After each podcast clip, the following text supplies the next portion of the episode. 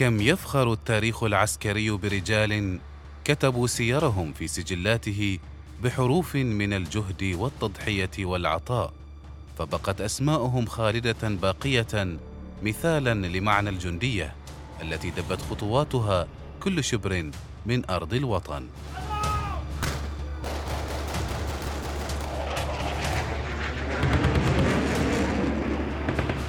جنود برنامج أسبوعي نتعرف من خلاله على الجنود الذين ضحوا بحياتهم من أجل أوطانهم.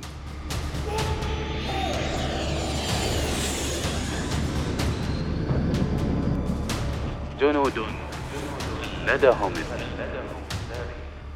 يعده الدكتور هلال بن سعيد الحجري ويقدمه المقدم الركن محمد بن سعيد المشيخي ومن إخراج الوكيل محمود بن خميس الجساسي.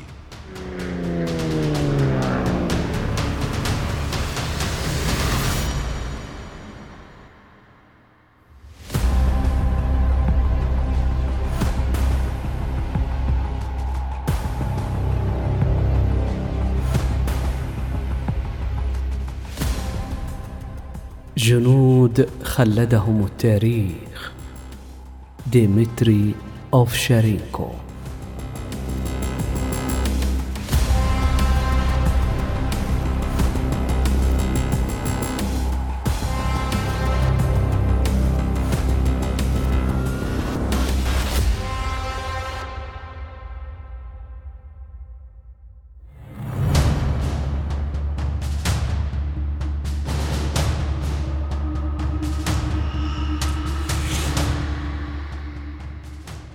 خلال الحرب الوطنية العظمى كما يطلق الروس على الحرب العالمية الثانية كانت هناك عدة مناسبات حقق فيها جندي أو أكثر من الجيش الأحمر المستحيل.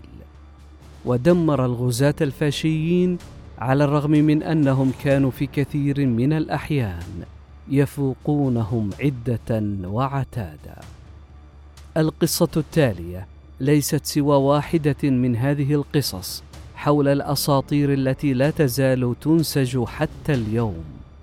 ربما يكون من الصعب قبول ما حدث مع ديمتري اوفشارينكو وهو جندي سوفيتي عادي. الأحداث التي قام فيها بدور نشط تشبه قصة فيلم أكثر منها حقيقة ومع ذلك هذه ليست قصة خيالية.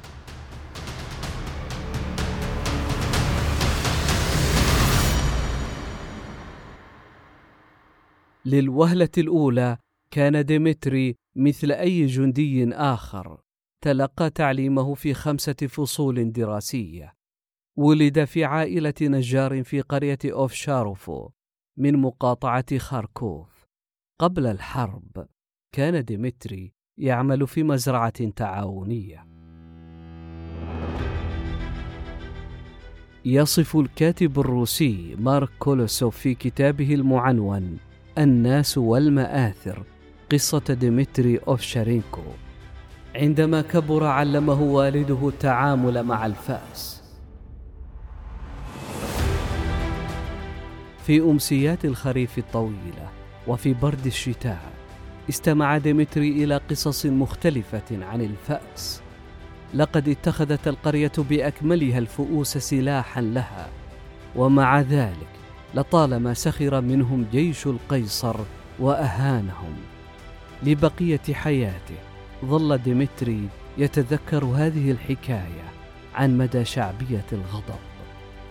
كان يحترم الفأس كأداة وسلاح للقتال.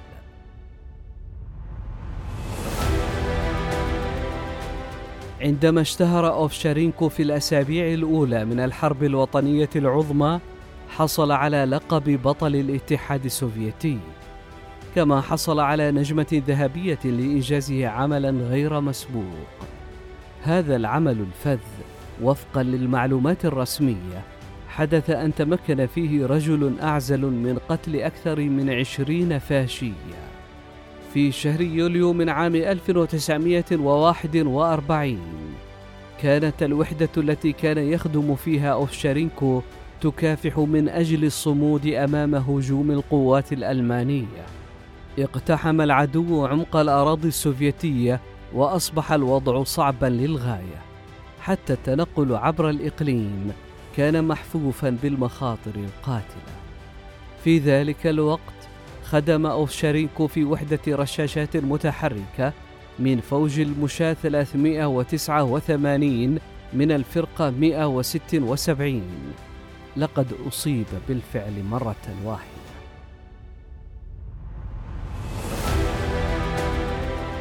كانت مهمته في هذا الوقت بالذات هي توصيل الذخيرة والإمدادات من مكان إلى آخر.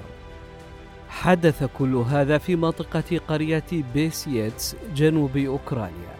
كسلاح شخصي كان الجندي أوفشارينكو يحمل بندقية من نظام موسن وفأسا فجأة ظهرت على الطريق فصيلة من الجنود والضباط الألمان. كان العدد التقريبي لفصيلة العدو خمسين رجلا. مستغلا ارتباك أوفشارينكو أخذ ضابط ألماني بندقيته ثم بدأ الألماني في استجواب الجندي السوفيتي الأعزل. سأله من هو. في هذه المرحلة أخطأ الألمان أحد التفاصيل المهمة. في العربة التي كان يحمل فيها أوفشارينكو الذخيرة وضع فأسا. هذا هو السلاح الذي أعجب به أوفشارينكو وكان قادرا على استخدامه بمهارة منذ الطفولة.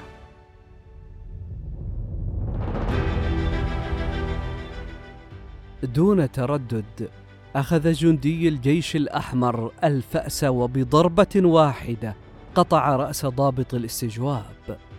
بعد ذلك ألقى ثلاث قنابل يدوية واحدة تلو الأخرى باتجاه السيارات الألمانية.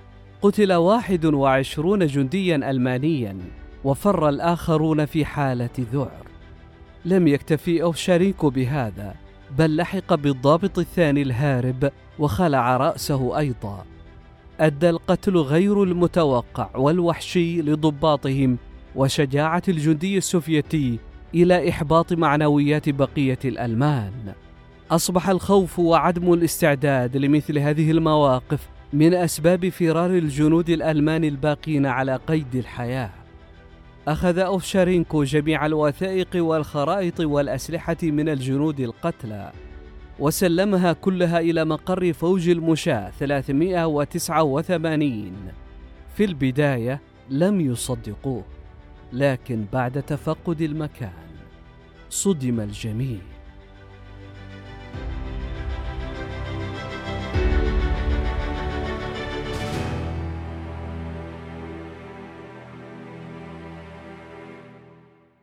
بعد التعافي من الإصابة عاد أوفشارينكو إلى فوجه واستأنف مهامه في سرية المدفع الرشاش.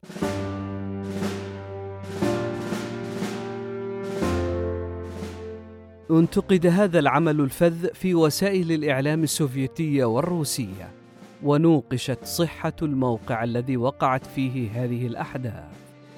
كما أثيرت شكوك حول تفاصيل معينة للمذبحة. مثل العدد الحقيقي للجنود الألمان هناك. تقول بعض المصادر أنه في الواقع كان هناك عدد أقل ربما حوالي ثلاثين رجلا. ويدعي بعض المؤرخين أن أوفشارينكو ببساطة اخترق الضباط بفأس ولم يحرمهم من رؤوسهم.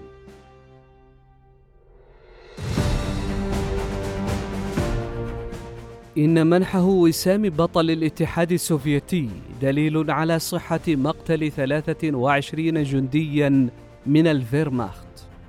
وقد وقع الفريق ديمتري ريابشيف وعضو المجلس العسكري ليونيد كورنيتس الوسام تأكيدا على فعل البطولة الحقيقي والشجاعة التي أبداها الجندي البسيط أوفشارينكو يقول الصحفي العسكري والمؤرخ يوري مولكونوف. أظهر أوفشارينكو ذكاء وشجاعة غير عادية مستفيدا من ارتباك الألمان. أعتقد أنه كان رجلا ذا إرادة لا تنتهي مخلصا لواجبه وأرضه ووطنه والسعي لتحرير وطنه من الغزاة الفاشيين بأي وسيلة.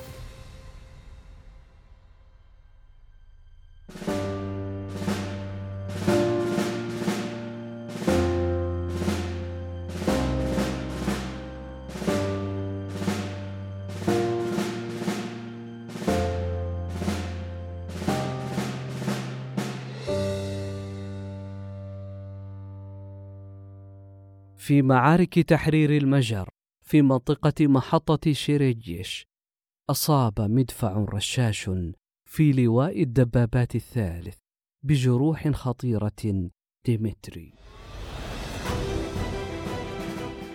توفي في المستشفى في الثامن والعشرين من شهر يناير من عام 1945 مهما كان الأمر فإن ديمتري أوفشارينكو لا يزال في ذاكرة الكثيرين وسجلات التاريخ معروفا باسم الجندي حامل الفأس. وهكذا أصبح أوفشارينكو من الجنود الذين خلدهم التاريخ.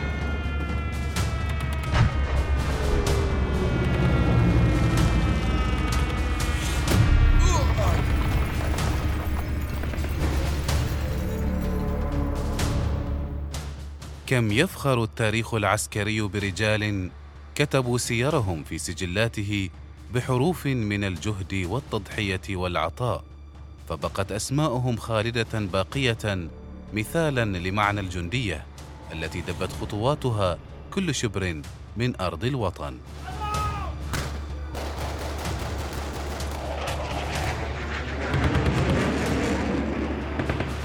جنود برنامج أسبوعي نتعرف من خلاله على الجنود الذين ضحوا بحياتهم من أجل أوطانهم.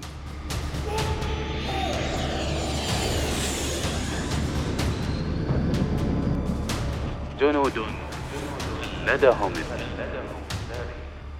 يعده الدكتور هلال بن سعيد الحجري ويقدمه المقدم الركن محمد بن سعيد المشيخي ومن إخراج الوكيل محمود بن خميس الجساسي.